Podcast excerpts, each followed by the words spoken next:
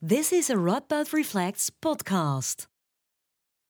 Ladies and gentlemen, welcome to all of you.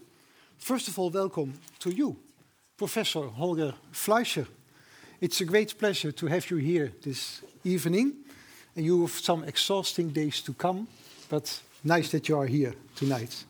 Welcome also to your colleagues from our Nijmegen Faculty of Law, the Dean of the Law Faculty, and welcome also to the rector of our university, Professor Han van Krieken, and the chair of our university, Professor Daniel Wigboldus. And of course, welcome to all of you interested in the topic we'll discuss tonight the responsibility of corporations and the role law plays in, law plays, plays in enforcing that responsibility. I will first give the floor to Professor Han van Krieken for a short introduction.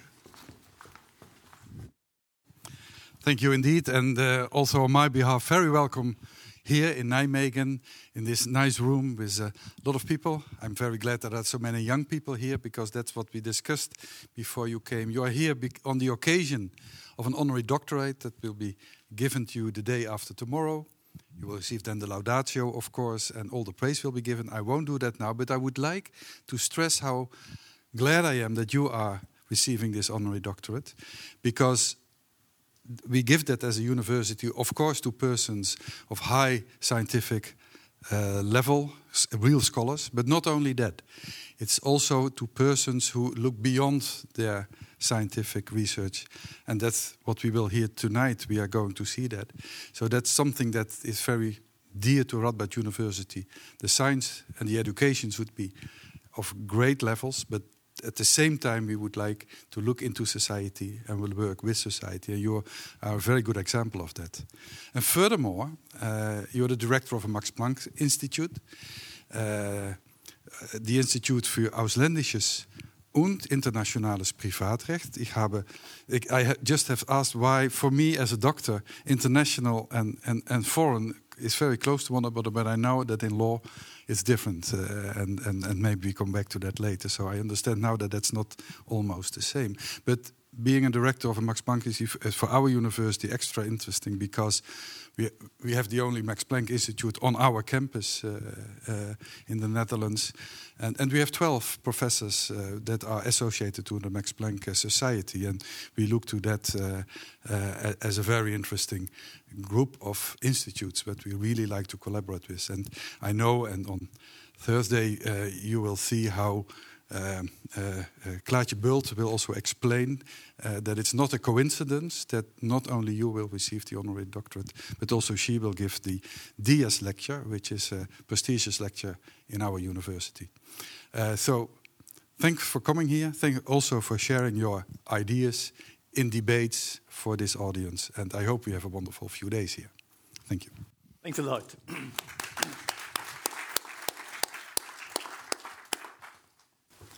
Thank you, Mr. Rector. My name is Marcel Becker. I am Associate Professor Ethics at Radboud University. I'm a philosopher, not a lawyer. And to make it even worse, most of tonight's speakers are not lawyers. But for tonight's topics, that need not to be a disadvantage. The topic is obviously, obviously interdisciplinary, and also because your work touches on so many different branches of thought. I think the only way to do justice to the greatness of your work is to, to open in Nijmegen now with an interdisciplinary event. I will have first a conversation with Professor Fleischer, about 20 minutes. Then three persons will join the conversation, and with each of them you will have a short discussion. And the final part of the evening, of course, you, audience, have the opportunity to ask questions. So, first, Professor Fleischer, may I ask you a few questions? My first question is about the relation between corporations on one hand and society on the other, and the possibilities of law to determine that relation. Recently, you published an article about corporate purpose. And you describe in that article that more and more corporations have to define their corporate purpose. As you describe it, it is their raison d'etre for the social legitimacy. And just to quote a few of those corporate purpose statements Bayer Chemical Company, Science for a Better Life. Vodafone, We Connect for a Better Future. And Coca Cola, To Refresh the World and Make a Difference. And your article is about that kind of statements. On one hand, you suggest that this is a new development. You speak about a fundamental re reorientation in law. On the other hand, you mention many historical early examples of corporate social responsibility right. in which there was already discussion about the place of society, of, in, of corporations in society. So this raises the question, what's new? And let me be more specific and refer to another honorary doctor of Radboud University. One of the people you mention in your article also is an honorary doctor. Do you know who I have in mind? No. Edward, Edward Freeman. Edward Freeman. Oh, yes. okay. Yeah. You, so you are in good, yeah, yeah, good company. stakeholder Edward yeah, Freeman. Exactly. Yes, yes. Yeah, yeah, yeah. So uh, I would like to ask you, what is now the difference yeah. between his stakeholder approach yeah. 40 years ago, he wrote his book in 1984, yeah. and your approach, and your suggestion of Yeah. corporate purpose? What Yeah. is the difference between the two? Yeah. Yeah, thank you. Let me first of all uh, express my gratitude for, for being here, and uh, it's really a pleasure. Also, this kind of, of setup here, talking to the colleagues from, from different disciplines. This is really very nice, and I appreciate it a lot. yeah, uh, corporate purpose. That was actually not an idea of my own, but this was something that was invented at the business schools in England. So I started out explaining that Colin Mayer from the Saïd Business School in Oxford and, and other people came up with the idea of introducing a corporate purpose into the Articles of Association. And so um, what they call purpo- corporate purpose is not what the lawyer thinks the corporate purpose is. So uh, my, my, first, my first point was to realize that here the disciplines are talking past each other. Each discipline has its own terminology, and uh, what Colin Mayer and others have in mind is one thing. What lawyers have in mind when they talk about corporate purpose is a completely a different thing. And I mean, uh, the responsibility of, of corporations to society is really a perennial topic. I mean, it, it, goes back to the high Middle Ages when the first companies were formed in, uh, in Renaissance Florence, the Bardi, the Medici, and later on the German trading companies in the southern part of Germany, like the Fuggers. And what they did when they created their company, when they set up their partnership contract, they created a, an account that they called account of God. So some of the profits were attributed to this account of God and that later went on to church. So this was the starting moment, so to speak, of, of CSR in the traditional sense. And then over the centuries, we saw more and more corporate philanthropy, corporate giving, yeah, um, in, in, in all uh, jurisdictions uh, across the globe.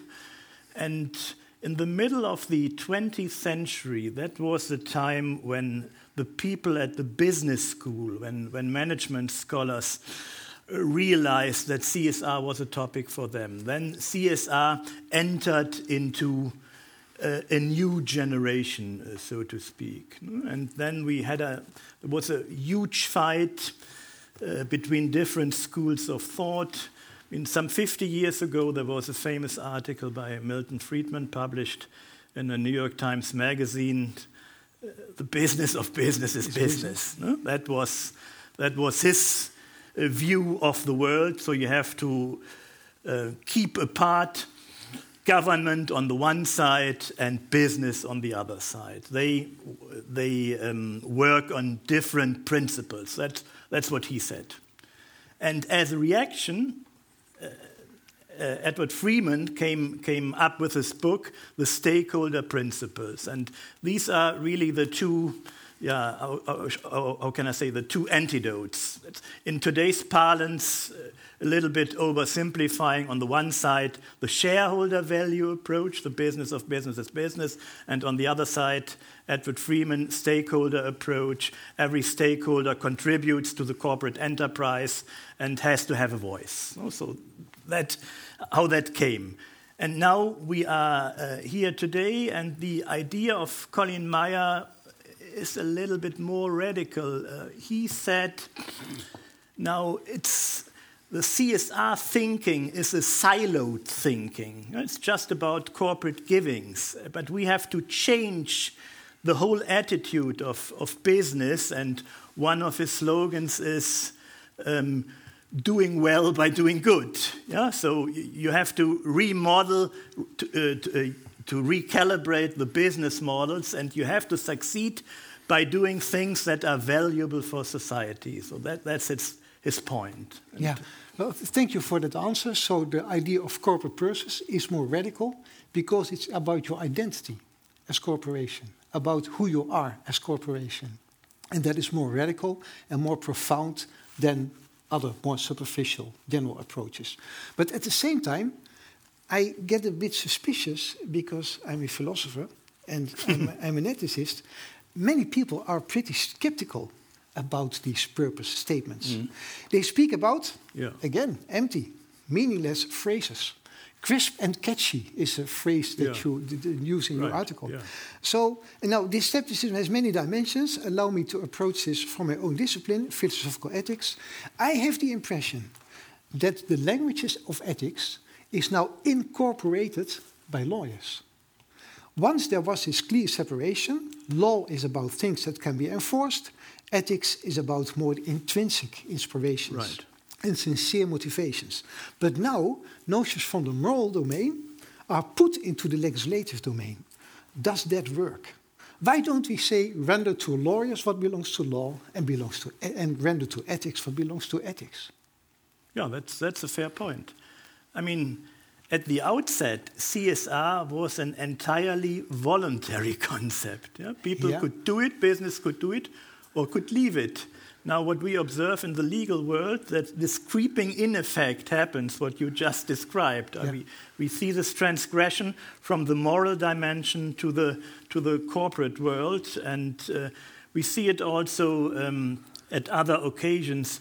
For example, in Germany, our corporate governance code says you have to act like an honorable merchant. Yeah? So what is that, an honorable in merchant? In German is it ehrungsvolle Kaufmann. yeah, yeah, yeah in exactly, German it sounds more beautiful than in English. honorable so, merchant. Yeah, yeah ehrungsvolle Kaufmann, yeah. yeah. And, yeah.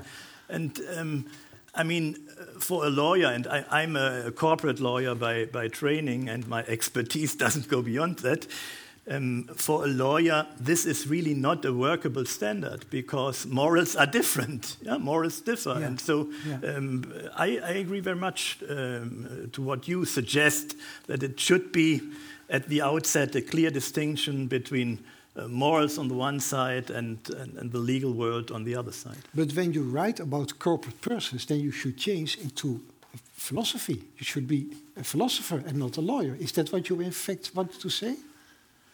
No, I'm in, in this piece, I'm, I'm just um, trying to clear terminology between business school people and law school people. And then I'm suggesting in this article that these vague concepts or mission statements are not valuable as a legal device because you cannot yeah. enforce them. No? I, yeah. I, give you another example. RWE is a, a major German uh, energy company, public utility company. So they say, our energy for a sustainable life. Yeah?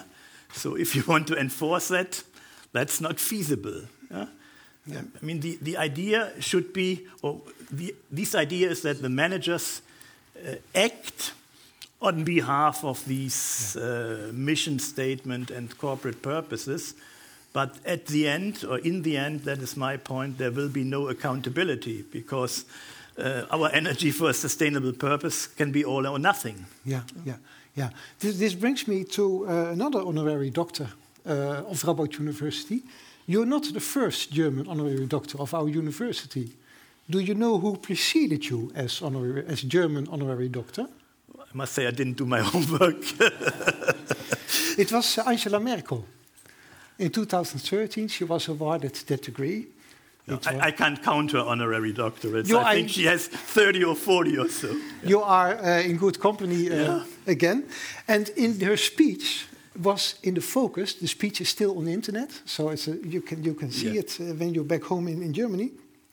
Was trust, the notion of trust, and she talked about it as a politician. But now I will bring it to this topic.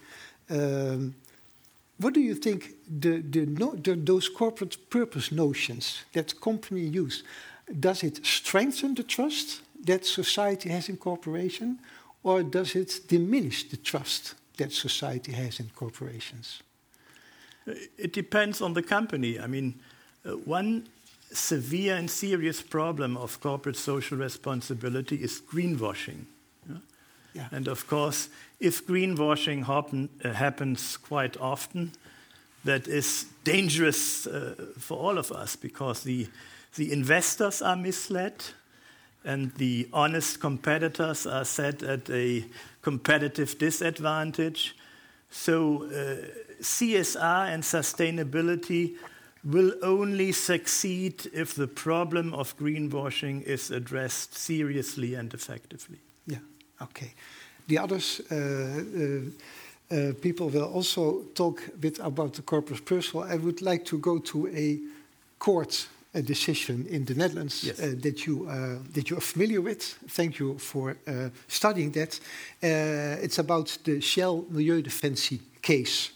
Uh, the Dutch court ordered Shell to reduce its carbon emissions in a much faster pace than Shell originally intended to do. The activists cheered, but the lawyers raised their eyebrows. And as far as I've understood, the legal discussion at the table is now can the standards of care, in Dutch, maatschappelijke zorgvuldigheidsnorm, you understand Dutch, I Yeah. refer, thank you for that. Uh, the, that standards of care that you use in private law, can they be used, can they be used to enforce corporations to improve their behavior? Mm. Because in everyday life, we have mutual expectations, and when someone does not act according to the expectation, he can be held accountable for the mm. damage. But does, can that line of thought be translated to the relation of mm. corporations to society? What is your opinion about Yeah. that?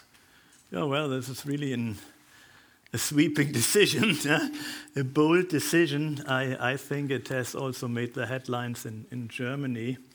And actually, um, there is now a case uh, pending in, in Germany that uh, tries to use the Milieudefensie set up as a kind of legal blueprint. We have an NGO in, in Germany, um, German Environmental Aid, Deutsche Umwelthilfe, who three weeks ago filed a lawsuit against the car makers BMW and Mercedes Benz, trying to force them to phase out the combustion engine cars by 2030 on precisely the same ground as Yeah. the Milieudefensie case here uh, Yeah. in, in the Netherlands. We will see. I mean, fr- from a legal um, point of view, or to me, there are two critical issues. One issue is is the judiciary, are the courts the right body to address the question, or is that a question that has to be reserved for legislation? For legislature, that is the first question. And the, the second point is what is the, the quality or the persuasiveness of the legal reasoning of, of, of that case? Uh, regarding the first questions, of course, there are, there are arguments on, on both sides of the table. I mean, lawyers tend to be conservative. Um, I think that is probably the same here in the Netherlands uh, as in Germany. And they learn constitutional law in their first year of law school, and they get to know something about separation of powers. That is not only a constitutional concept, but there's something behind it. I mean, questions like climate change and um, responsibilities of, of corporations, uh, they are very complex and complicated questions. And in order to respond properly, you have to balance different arguments. Yeah? Climate change is a very important, very pressing issue, but it's not an issue that takes absolute precedence or absolute priority over other issues. Like I mean, affordable energy prices for, for private households or job security for, for employers in, in certain sectors of, um, of the industry and the um, competitiveness of the domestic industry, etc., etc. And in a civil proceeding, you have a plaintiff and you have a defendant, two parties. And uh, one can make a good argument to say that courts are really ill equipped to handle such, such difficult cases. Yeah. Of course, you, you, can also uh, take the opposite stance and you can say, no, no, no, it's not the courts that are ill equipped, it's, it's uh, politics. Uh, that is ill equipped to tackle such a long term problem like climate change because politics is typically myopic. Yeah? It looks not beyond next election day, and therefore, in order to speed up the thing, uh, having the courts here coming up with a bold judgment is the lesser evil. No, that's that's also a, yeah. a point you could say. But let me add uh, a few words to the to the legal reasoning. And, uh, I must say I'm not a scholar of public international law, only a, an ordinary company lawyer. But the legal reasoning, it seems to me, uh, has some flaws. To begin with, corporations are, according to the traditional view in public international law, not subjects of public international law. And the Shell and other uh, companies are not signatories of the Paris Climate Agreement. And so, what the court here does is to take a standard from public international law, a soft law standard, and transmutes, transforms it into an open standard of tort law. And whether you can do it or not that is a very okay. debatable question. I mean, you have soft law, soft law, and suddenly hard law by some kind of incantatory effect. Yeah? It's like in the fairy tales, you turn dross into gold. Whether this is, I don't say that is legally unfeasible. I don't, I don't say that is legally not feasible. No? That is a question that is in flux in public international law, but it is a very bold argument to do that. Okay, well, thank you for this very nuanced and clear answer to that question. But now, just to, to, to challenge you, a bit more, you, you spoke about uh, it's a task of politics, okay, but sometimes politics may fail. And uh, um, in recently, another element of this case was that the judge referred to human rights. And to the, for, to the audience, also in the so-called Urgenda case, the human rights were in the focus. So it may be generally acknowledged that corporations have to respect human rights, mm. but when we start using human rights in climate cases like these, we can put all kinds of obligations on corporations. Do you agree with that, uh, with that, with that criticism on the use of human rights, or can you understand that human rights are used in cases like these? I mean, the uh, Urgenda case, um, we have to sort out different types of legal actions in climate change litigation. One case, a paradigmatic case of which is the Urgenda case, is actions against the state. And the other category is actions against the uh, private corporation. Yeah, That's the Milieudefensie. Yeah. And now case, human no? rights. And uh, coming back to, to your question, to, to the to the first um, to the first case, this Urgenda case using uh, human rights.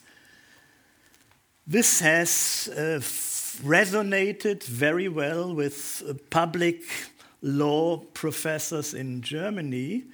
Uh, this year, in, uh, in March of this year, the Federal Court, Federal Constitutional Court in Germany, rendered a spectacular judgment in Germany on the German Climate Protection Act and struck down the German Climate Protection Act as partially unconstitutional with a very interesting arguments. We, we have a provision in our Grundgesetz, the basic law, the Constitution of Germany, saying that the state um, has to take into consideration future generation and has to preserve the natural foundations of life and animals. And together with these um, human rights, which you cited, Article 2 and Article 8 of the Human Rights Convention, the German Federal um, Constitutional Court developed a very interesting argument and said we can deduce from our Constitution a right to future freedom, to the next generation. And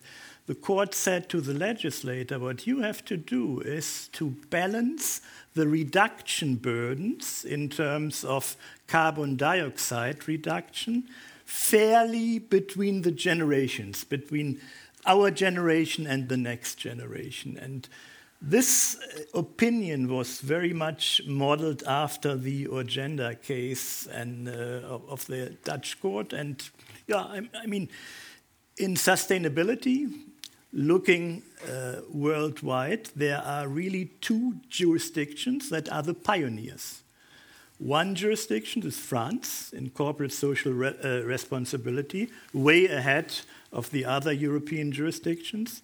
And in terms of uh, environmental protection, human rights uh, protection, it's the Dutch courts that are really the, the pioneers in, in Europe and worldwide. Yeah, yeah. Okay, thank you for that. There, is, there are many more things to discuss, but they will come when the other guests will join us. I now welcome first Professor Ingrid Visseren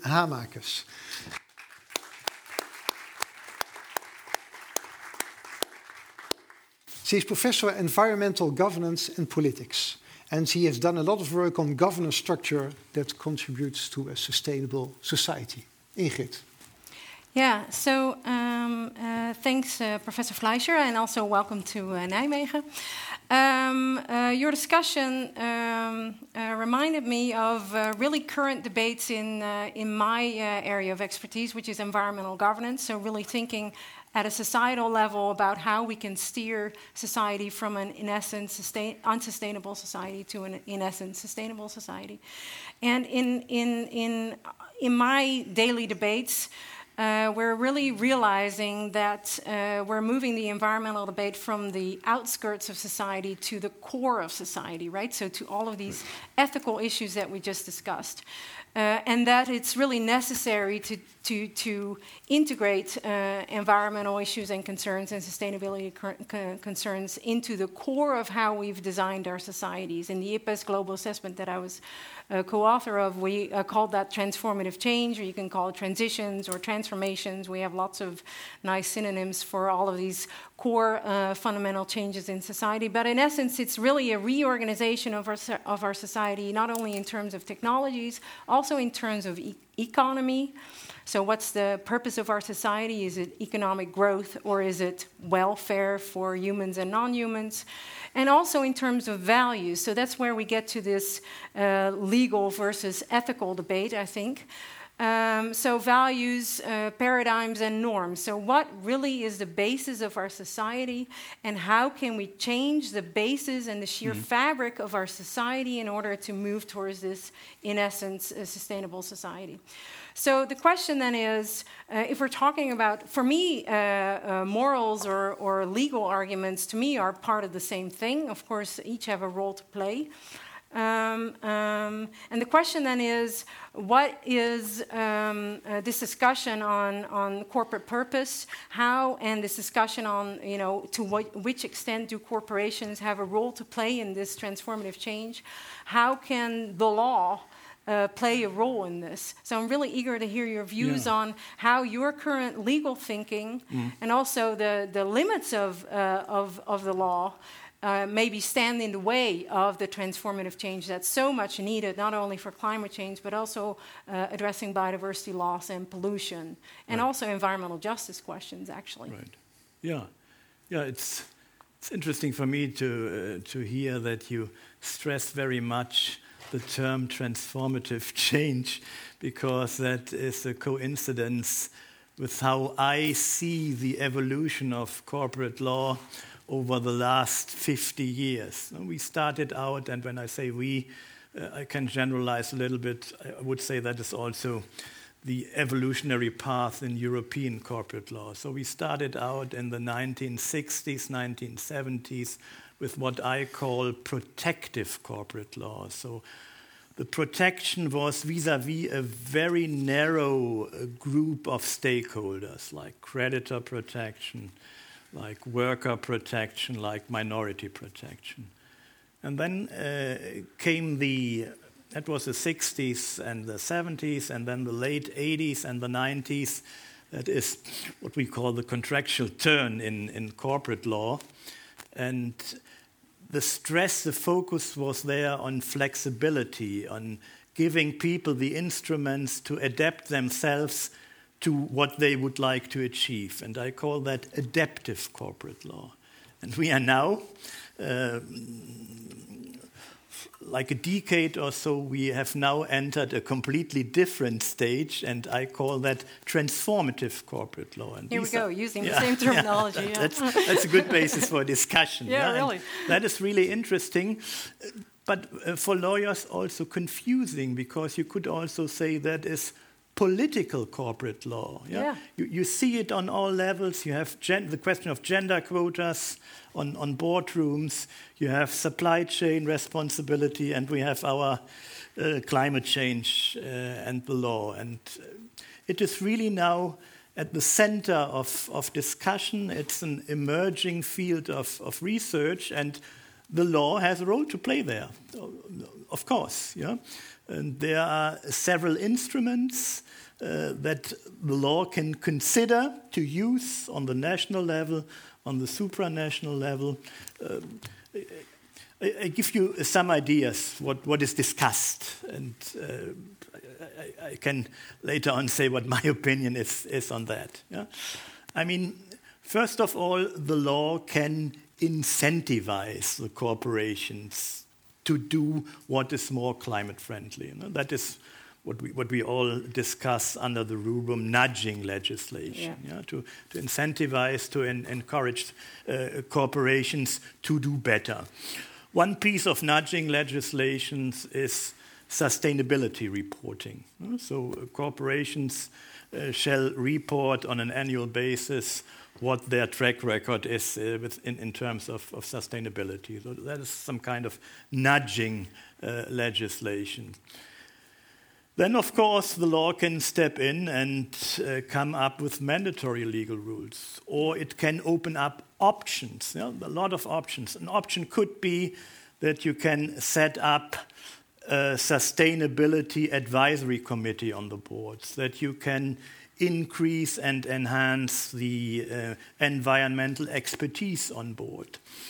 You can also think about incentivizing and even empowering the shareholders. You know? yeah. I mean, what uh, we have a very popular instrument. Uh, that's a European instrument. You have it in, in, in, the Netherlands as well. It's called Say on Pay. So the shareholders vote on the executive compensation package. Yeah? If you transfer that to environmental law, it could be a say on sustainability or a say on climate. So that, that could be one idea how that can be integrated and how the law can use the changing mind of the retail investors and also the institutional investors. So that, that may be one solution. There are other ways. I mean, um, financing. May, may, may yeah, I, yeah, sure. May I interrupt? Yeah, yeah, sure. So so we're getting to the essence of the debate, and I think all of these uh, options are necessary. I really believe in governance mixes where not only uh, what governments can do, but also what corporations can do, what civil society can do. So, how can we together uh, accelerate this transformation towards a sustainable society. What I find so frustrating about these debates is that we kind of know what the problem is. Of course, we need more climate science and we need more uh, ecological research. You know, uh, we, but we kind of know what the problem is, right? The environmental problems. We kind of know what instruments are necessary and that we have uh, available, right, to, to, to, to tickle corporations in the right direction or to force them in the right direction or to uh, stop them from doing really horrible stuff. Uh, or to support them in their transformation towards a sustainable production system. We kind of know these instruments. We've, uh, the, the problem is uh, one, we don't implement the instruments, and then the question becomes, and the debate stops basically at the list of instruments. And what my, my, my current thinking really is, is how can we, if we have the knowledge about what the problem is, kind of, if we have the problem about, if we have the knowledge about the, the policy mix or the governance mm. mix that we have available to us, how can we get those responsible, currently in power, to actually do that? And uh, this is what I call transformative governance. So, really thinking through strategically with like minded folks, whether they're working in industry, whether they're a lawyer or a civil society organization or a, an academic like me, really thinking through how you can create so much noise, activity, and momentum in society that, uh, that politicians realize that there is. Uh, that there is uh, uh, that are folks out there that would actually support uh, legal action. Uh, that there are solutions out there where uh, you know uh, certain uh, uh, companies actually are are, are um, experimenting with new ways of producing. So so um, because a lot oftentimes the debate stops at well there's no political will or it's too expensive. While the current question really is how we can create the societal momentum to actually do what we already know. How would you reflect on, on, yeah, on that I, analysis? I, I, see your point. I think we have started too late, but recently there has been a lot of improvement, and there are a lot of initiatives also on the level of the European Union. There are some very interesting uh, proposal, legislative proposals on the table. For example, with respect to sustainable financing, that's green bonds. Yeah, that's an important concept. There's now a legislative proposal on the table.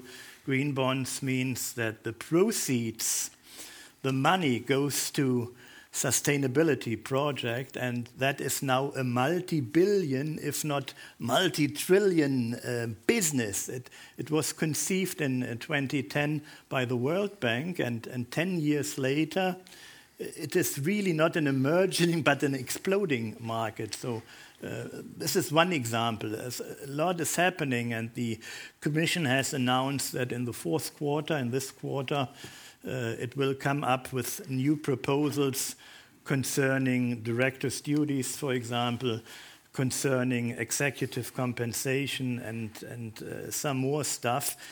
There are a lot of ideas. I think the key problem is that we started too late. And now we have to uh, act quickly and uh, the transformation, the, tr the energy tran transition takes some time. Yeah, yeah. That, that is a problem of uh, a pluralistic society that not everybody agrees on this. And, but I, I would, uh, I would support what you say we need a smart mix. Yeah? We have, on the one hand, this strategic litigation, uh, what we yeah, talked exactly. about, the Milieudefensie yeah. case, raises public awareness, etc., etc.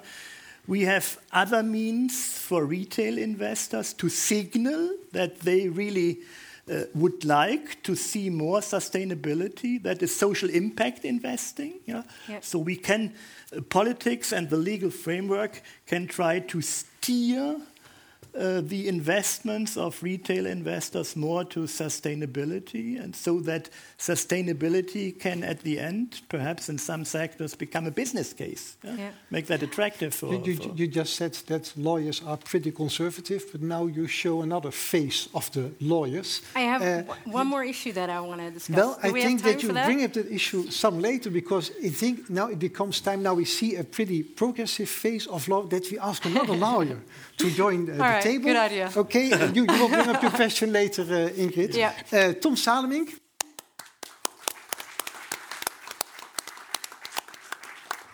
And he is associate professor company law. Uh, thank you, uh, Marcel, uh, professor. Um, I would like to discuss the role of Dutch company law in the current debate on social responsibility. And allegedly, it was the, the German poet Heinrich Heine who wrote if the world ends, I will go to the Netherlands because there everything happens 50 years later. And I'm not quite sure if that proposition in general is true, but with regard to Dutch company law and the debate on social responsibility, there could be an element of truth in it.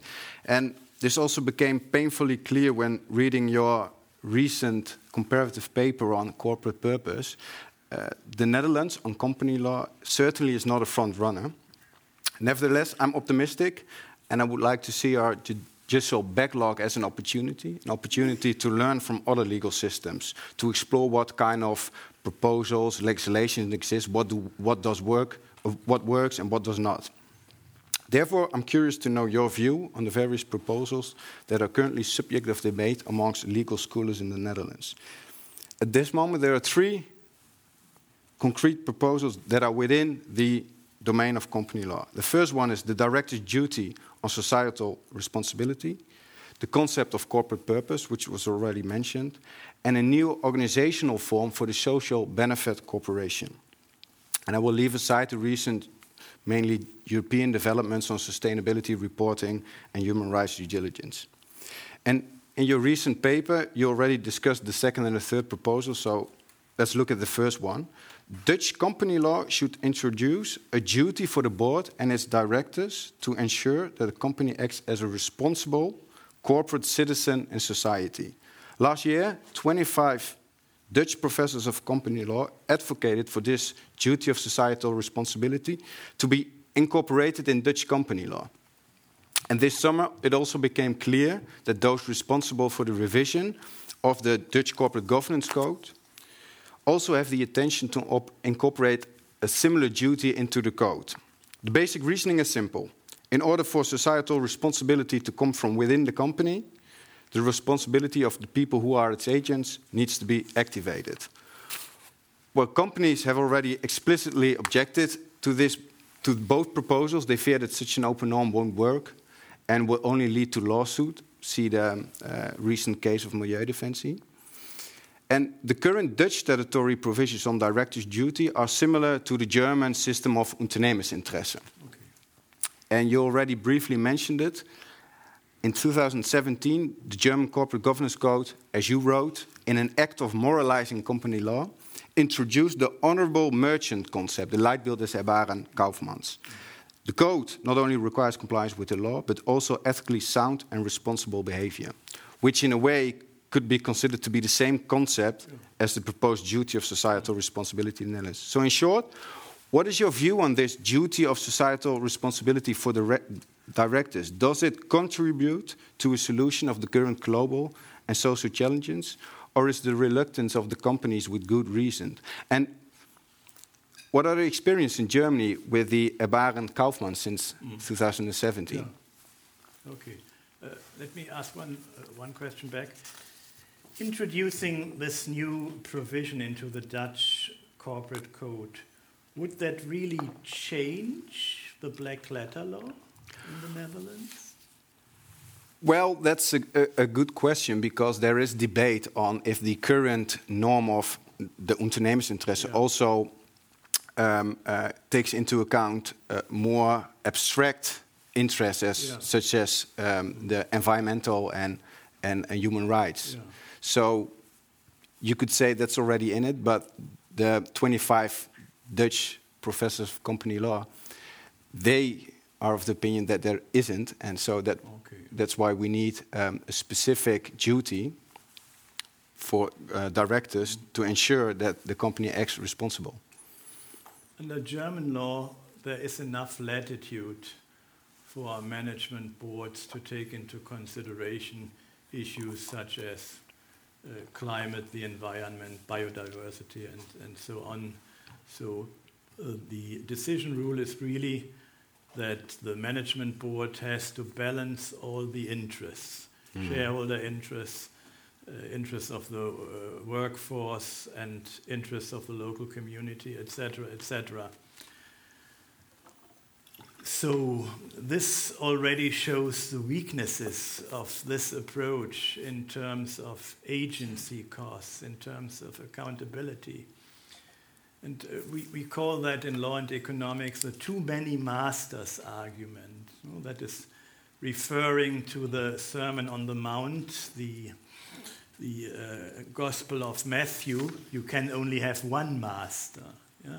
You may have only, you must have only one master. Because what, uh, what we can observe in, in Germany, but also elsewhere, is when you multiply stakeholders, you really increase the latitude of managers because managers are in a position under the business judgment rule to play each stakeholder out against the other. And in the end, it's management inaccountability and management latitude. So I think this will lead to little, if, if anything. And um, um, the same arguments are made in, in the American debate, Lucian Bebchuk and, and others writing on stakeholderism or stakeholder governments. They, they address the same issues, and I, I think it won't be wise to codify the Dutch corporate law, um, as you said.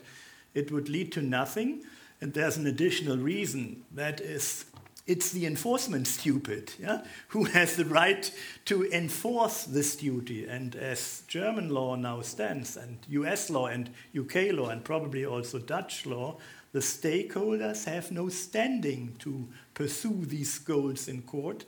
And that means that we see no cases. We haven't seen any case in Germany for about 50 years apart from corporate philanthropy cases. So uh, I wouldn't recommend that. I, I, I, must say there I have a strong, a strong position. Mm. That, that would lead to nothing. And, and are there any developments on that, that Leitbild, the Baron Kaufmann, or, or is it? I, I wrote a very critical article mm. uh, three or four years ago. The Leitbild of the Ehrbare Kaufmann was introduced first in Hamburg, where our institute is located, and people were looking really badly at me, but I mean, the problem is really the, what we discussed, uh, Marcel, at the beginning. The, the honorable merchant is for a lawyer not a workable standard. You know, it, it, it, doesn't work. And, but, but I can say that on the European level, there are the same approaches as, as, as you uh, tell us here from, from the Dutch colleagues. So, one very prominent proposal which the European Commission is seriously considering says you have to put in a clause saying the duty of directors is to create sustainable value within planetary boundaries. Yeah, exactly. yeah? that's won't, won't I'm not a fan of it. No. Um, maybe a, a follow-up question. You already. Uh, when you, it doesn't take too long time, otherwise you have to postpone yeah. it. Sorry. Can it be short? Yeah, I will. I will make it. Short answer. I will.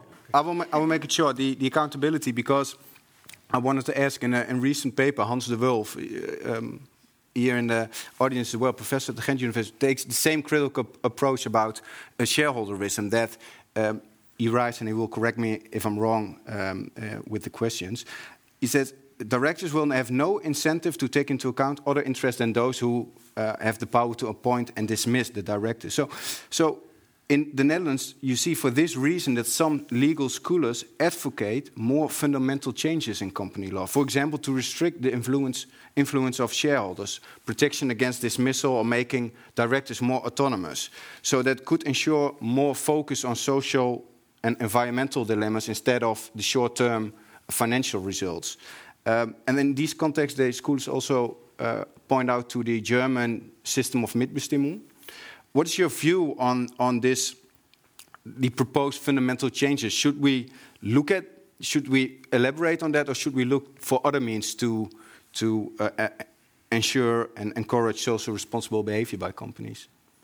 Yeah, Mitbestimmung is very interesting, highly political in, in Germany. That is co-determination on the level of the supervisory board. In, in Germany, for the big companies like uh, Volkswagen, they have 20 people on their supervisory board.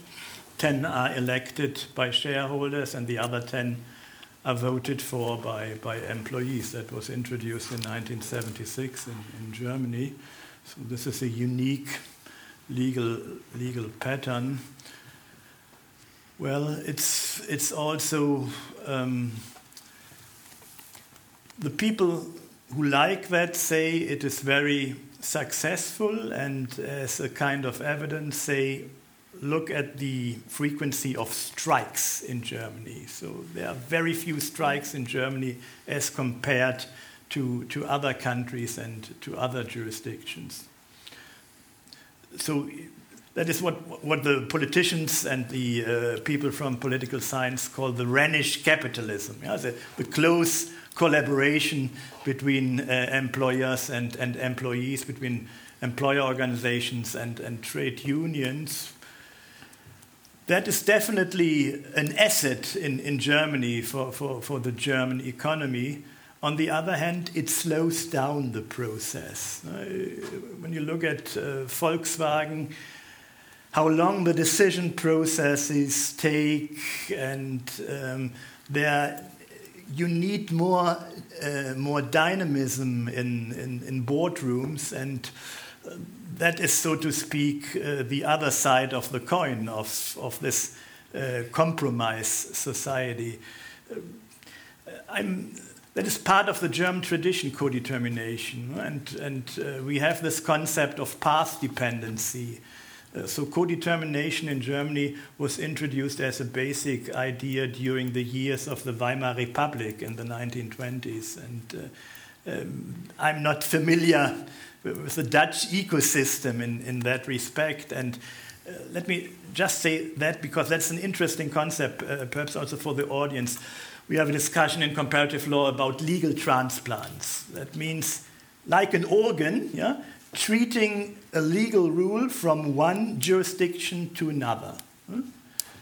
And there is uh, really a very intensive literature on the conditions whether legal transplants work or work not. And uh, if, if Dutch scholars are considering um, elaborating on this idea, they, they should consult the literature on the successes and failures of, of legal transplants.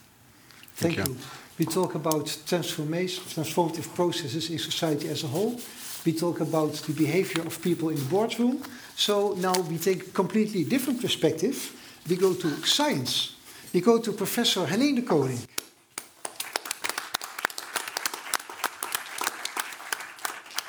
Professor Fleischer already spoke about workable standards. Well, you are Associate Professor Environmental Science at this university, and in Eindhoven you are Professor of Social Technical Innovation and Climate Change.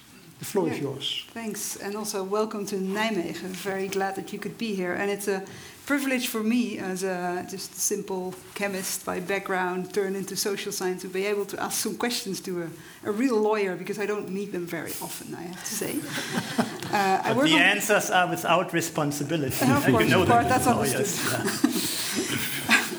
Uh, I work on climate change, and indeed, as uh, your examples have shown, uh, law is playing an increasingly important uh, role in, in solving uh, that, that issue and, and getting the systems changed there. But I also, indeed, here at Radboud University, work at the Department of Environmental Science. And we try to quantify, my colleagues try to quantify environmental impact, right? And try to uh, determine, you know, what, what, is, what is the real environmental impact in terms of greenhouse gases or other environment, biodiversity impact. Uh, we also study uncertainties, and those uncertainties are large. Uh, actually, a number, you know, you should always look at the context of that number. It's often misused. If you tweak your assumptions a little bit, you could be an order of magnitude off in terms of uh, greenhouse gas emissions of hydrogen or something. How does law mm. deal with that? Yeah. Uh, can you do you have examples of how yeah. that was used in uh, and, and you know this presumed certainty of quantification? Uh, how does that play out in, uh, in, in law? Yeah. I think we will meet the knowledge of, of uh, environmental science and, and law meets in the courtroom when we have the tort cases on environmental pollution. And I give you an example a very prominent case now pending in the German courts. What we, will, what we see there, the facts of the case, there is a Peruvian farmer suing a public utility company in Germany. On what grounds? The Peruvian farmer has its village at the foot of the mountains. And on top of the mountains, there's a glacier. And the glacier is melting, and the water is flowing into a mountain lake, threatening to flood at some point in time the village at the foot of the mountain.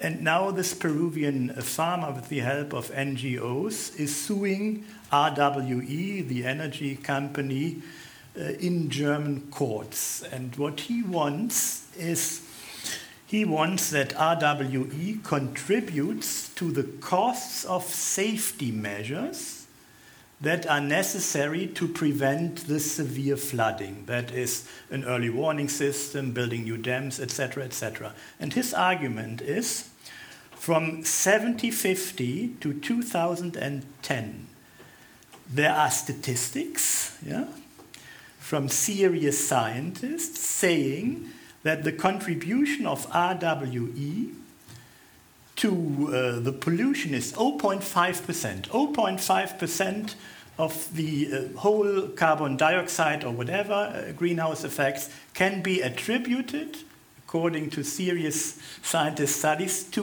RWE. Hmm? That's his claim.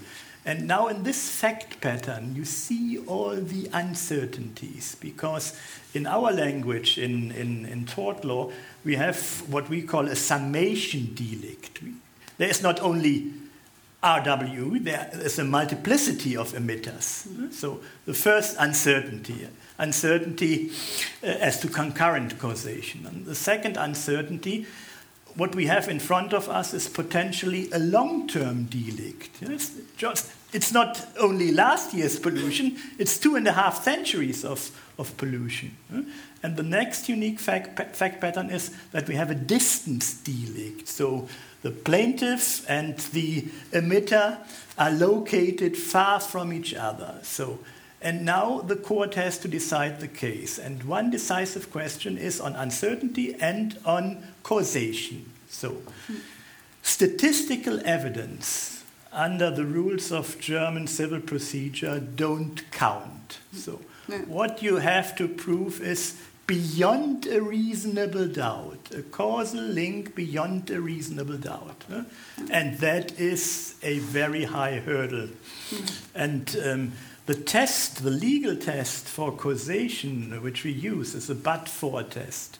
But for test, or conditio sine qua non formula, means you assume away the action of RWE, the emissions, and if the result is the same, then there is no uh, causal link in the legal sense. Yeah? And these are the limited, uh, this is a limited potential how how courts can handle this question. And um, let me tell you one, one more thing, because that's interesting how you can overcome these doubts. Yeah? So there's a spectacular theory developed in the 1960s in American products liability. It's called market share liability. Yeah? You cannot prove that a certain company sells a certain drug, but you can prove the market share of that. Yeah? And that is now the theory that the Peruvian farmer uses. It's called pollution share liability. So that would be one way to overcome uh, the causal problem or, or, the causation problem, but it, it is very hard. So RWE would pay 0.5% of the safety measure cost. Right. Yeah. right. That's the argument in, in, the case, and, and we will see the, the case was dismissed uh, in the first instance, but now it's pending before the higher regional court of, of Hamm in North Rhine-Westphalia, and the court seems to see some merits in the case and has scheduled an evidentiary hearing. And now they are calling for you, for expert witnesses, yeah, uh, to, to, to, give us the numbers. I have another question, and it's about the, the sort of the, the, public versus the private sector. In the Netherlands, we, uh, we want to be climate neutral, whatever it means in 2050 or so. Um, that means system changes in all kinds of sectors, mobility, energy, what's the same everywhere, but also in industry. Uh, and we have a lot of large chemical companies, refineries, steel plants, uh, uh, fertilizer plants. Uh, it's a whole ecosystem. and they need to change fundamentally, right? They all run on fossil fuels, and that needs to change within, you know, less than 30 years, preferably faster, which is extremely fast for these uh, companies. So what they're saying is, okay, we we can do it, right? Technically, it's not infeasible, but it's much more expensive.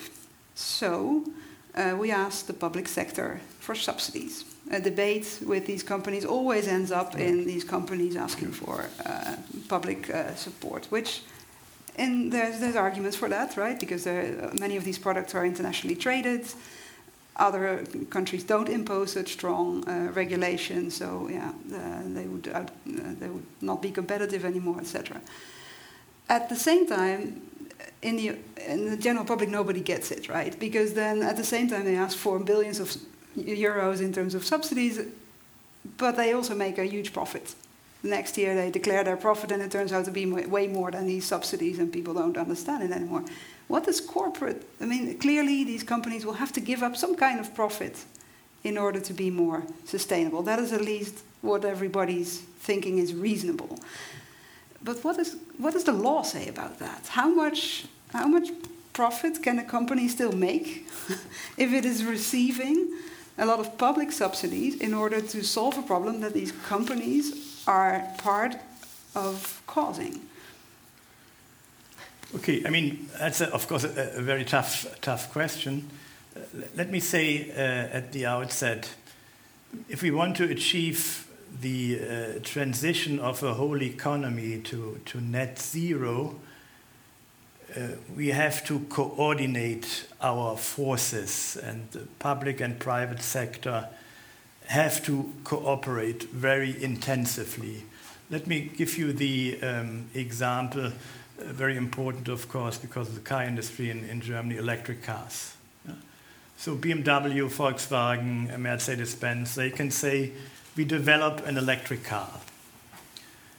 But uh, in order to make the, transi- uh, the transition successful, we also need a nationwide network of charging stations and so on and so on, the whole infrastructure. And that is beyond the financial resources even of huge car makers like, like Volkswagen. So it really has to be a, a cooperation between the public and the private sector.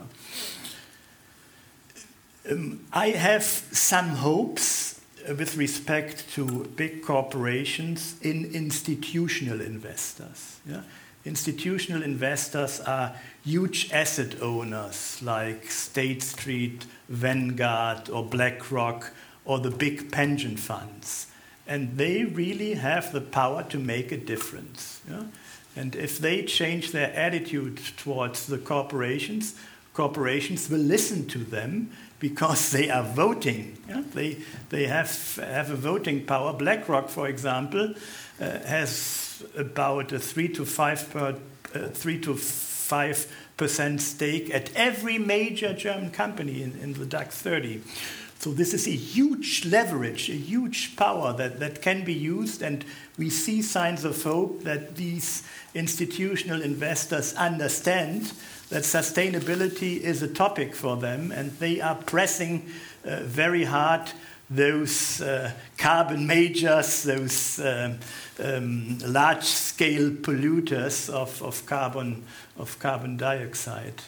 I mean, the blame game doesn't lead to much. Mm-hmm. That, is, that, is, that is my uh, conviction and, and persuasion. One has to find ways to cooperate the private and the public sector. And don't forget, climate change uh, is an international problem. Yeah? You need international cooperation, and that is one point. I mean, that could also be uh, argued against the Milieudefensie case. No? That is called the carbon leakage effect. Now, what happens when uh, Royal Dutch Shell is forced to reduce its emissions? Yeah? Who steps in? Yeah? The Russian oil companies, yeah? Rosneft, or the Saudi Arabian oil companies. And if that happens, because the global climate is a common good, as the economists say. If that happens, nothing is gained uh, for, for, the, um, uh, for, for, the climate, for the global climate. And we need cooperations on the national level, we need cooperations on the international level. That is indispensable. Yeah, that's absolutely true, and that's partly why we have these international negotiations on biodiversity and also on climate change, of course. And at the same time, that requires trust, right? Like your German predecessor, honorary doctorate, uh, right? Yeah. I, I, the, at the same time, we have competition law, right? Companies cannot share all information. Institutional investors. Uh, I know I'm on an expert committee for the ABP, the largest Dutch uh, pension fund. Yeah. Also cannot disclose uh, uh, everything. So how can you?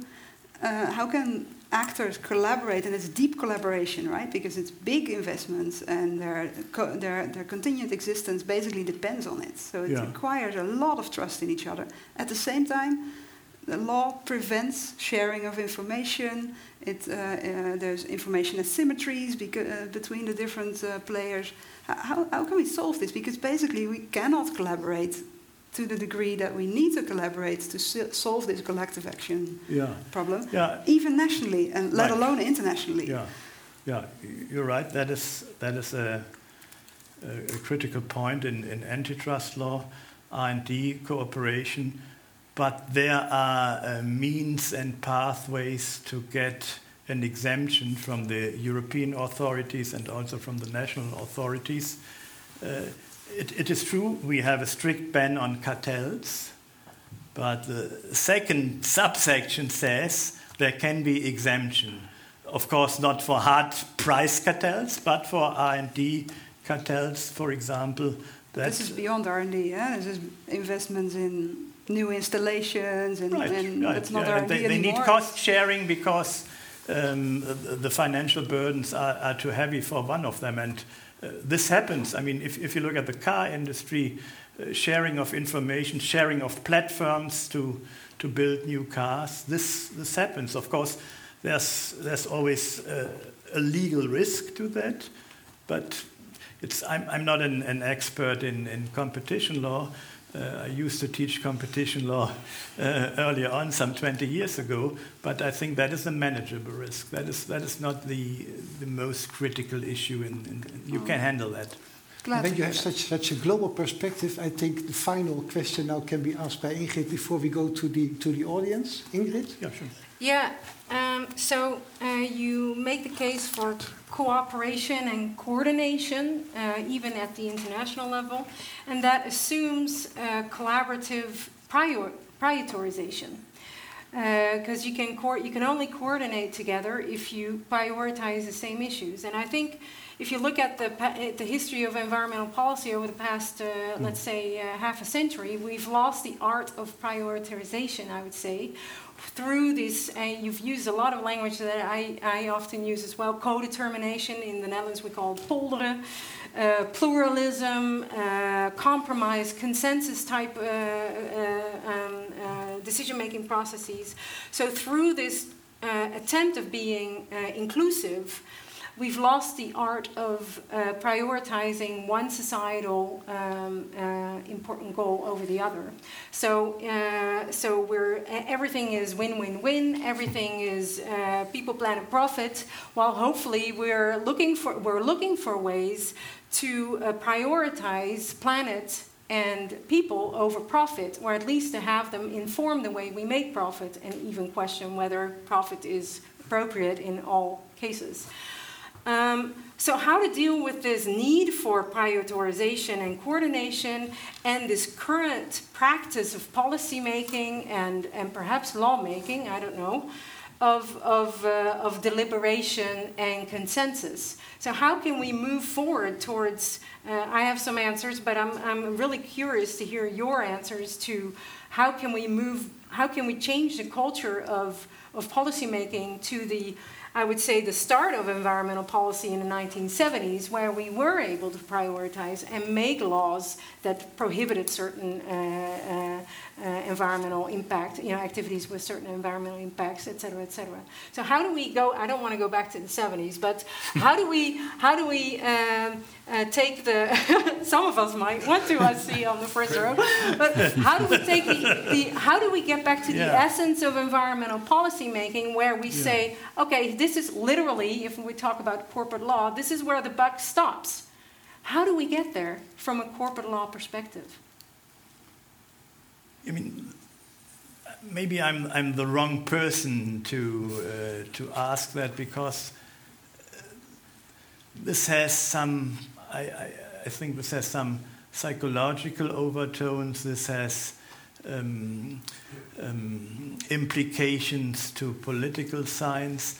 I mean, the difficult thing is everybody in this room agrees that moving faster in terms of climate protection is essential.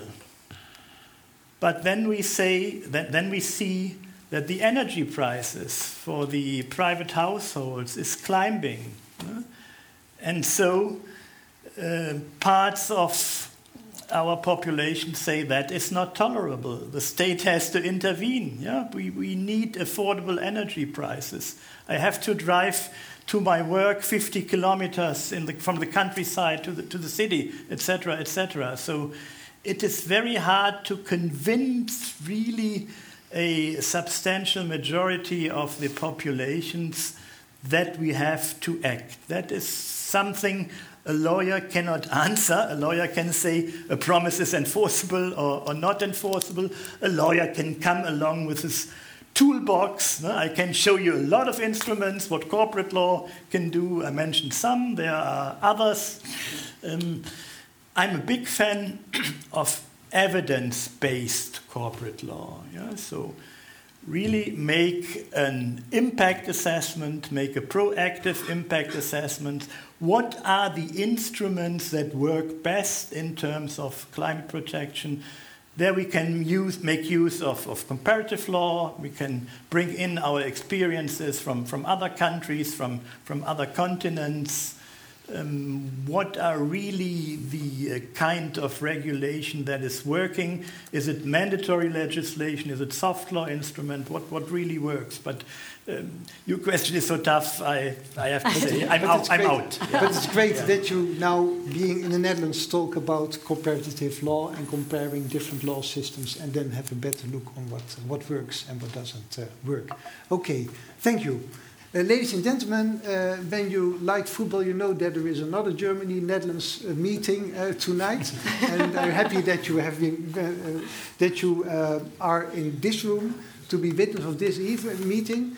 Uh, sometimes people say that law is only for lawyers, law is dull, and law is only for specialists. I think tonight we have seen that law is not dull, and that law is not only for lawyers, but we have also seen that it is it depends on the lawyer you speak. And I think with Professor Fleischer, we have had a beautiful uh, exchange of opinions with other uh. Thanks here to my colleagues. yeah, Okay, yeah, so yeah. thank you. But for, uh, particularly thank you for your willingness to discuss with all kinds of disciplines. I wish you a good stay in the Netherlands and uh, uh, congratulations with your honorary degree. Thank you for It's a pleasure. It was wonderful evening.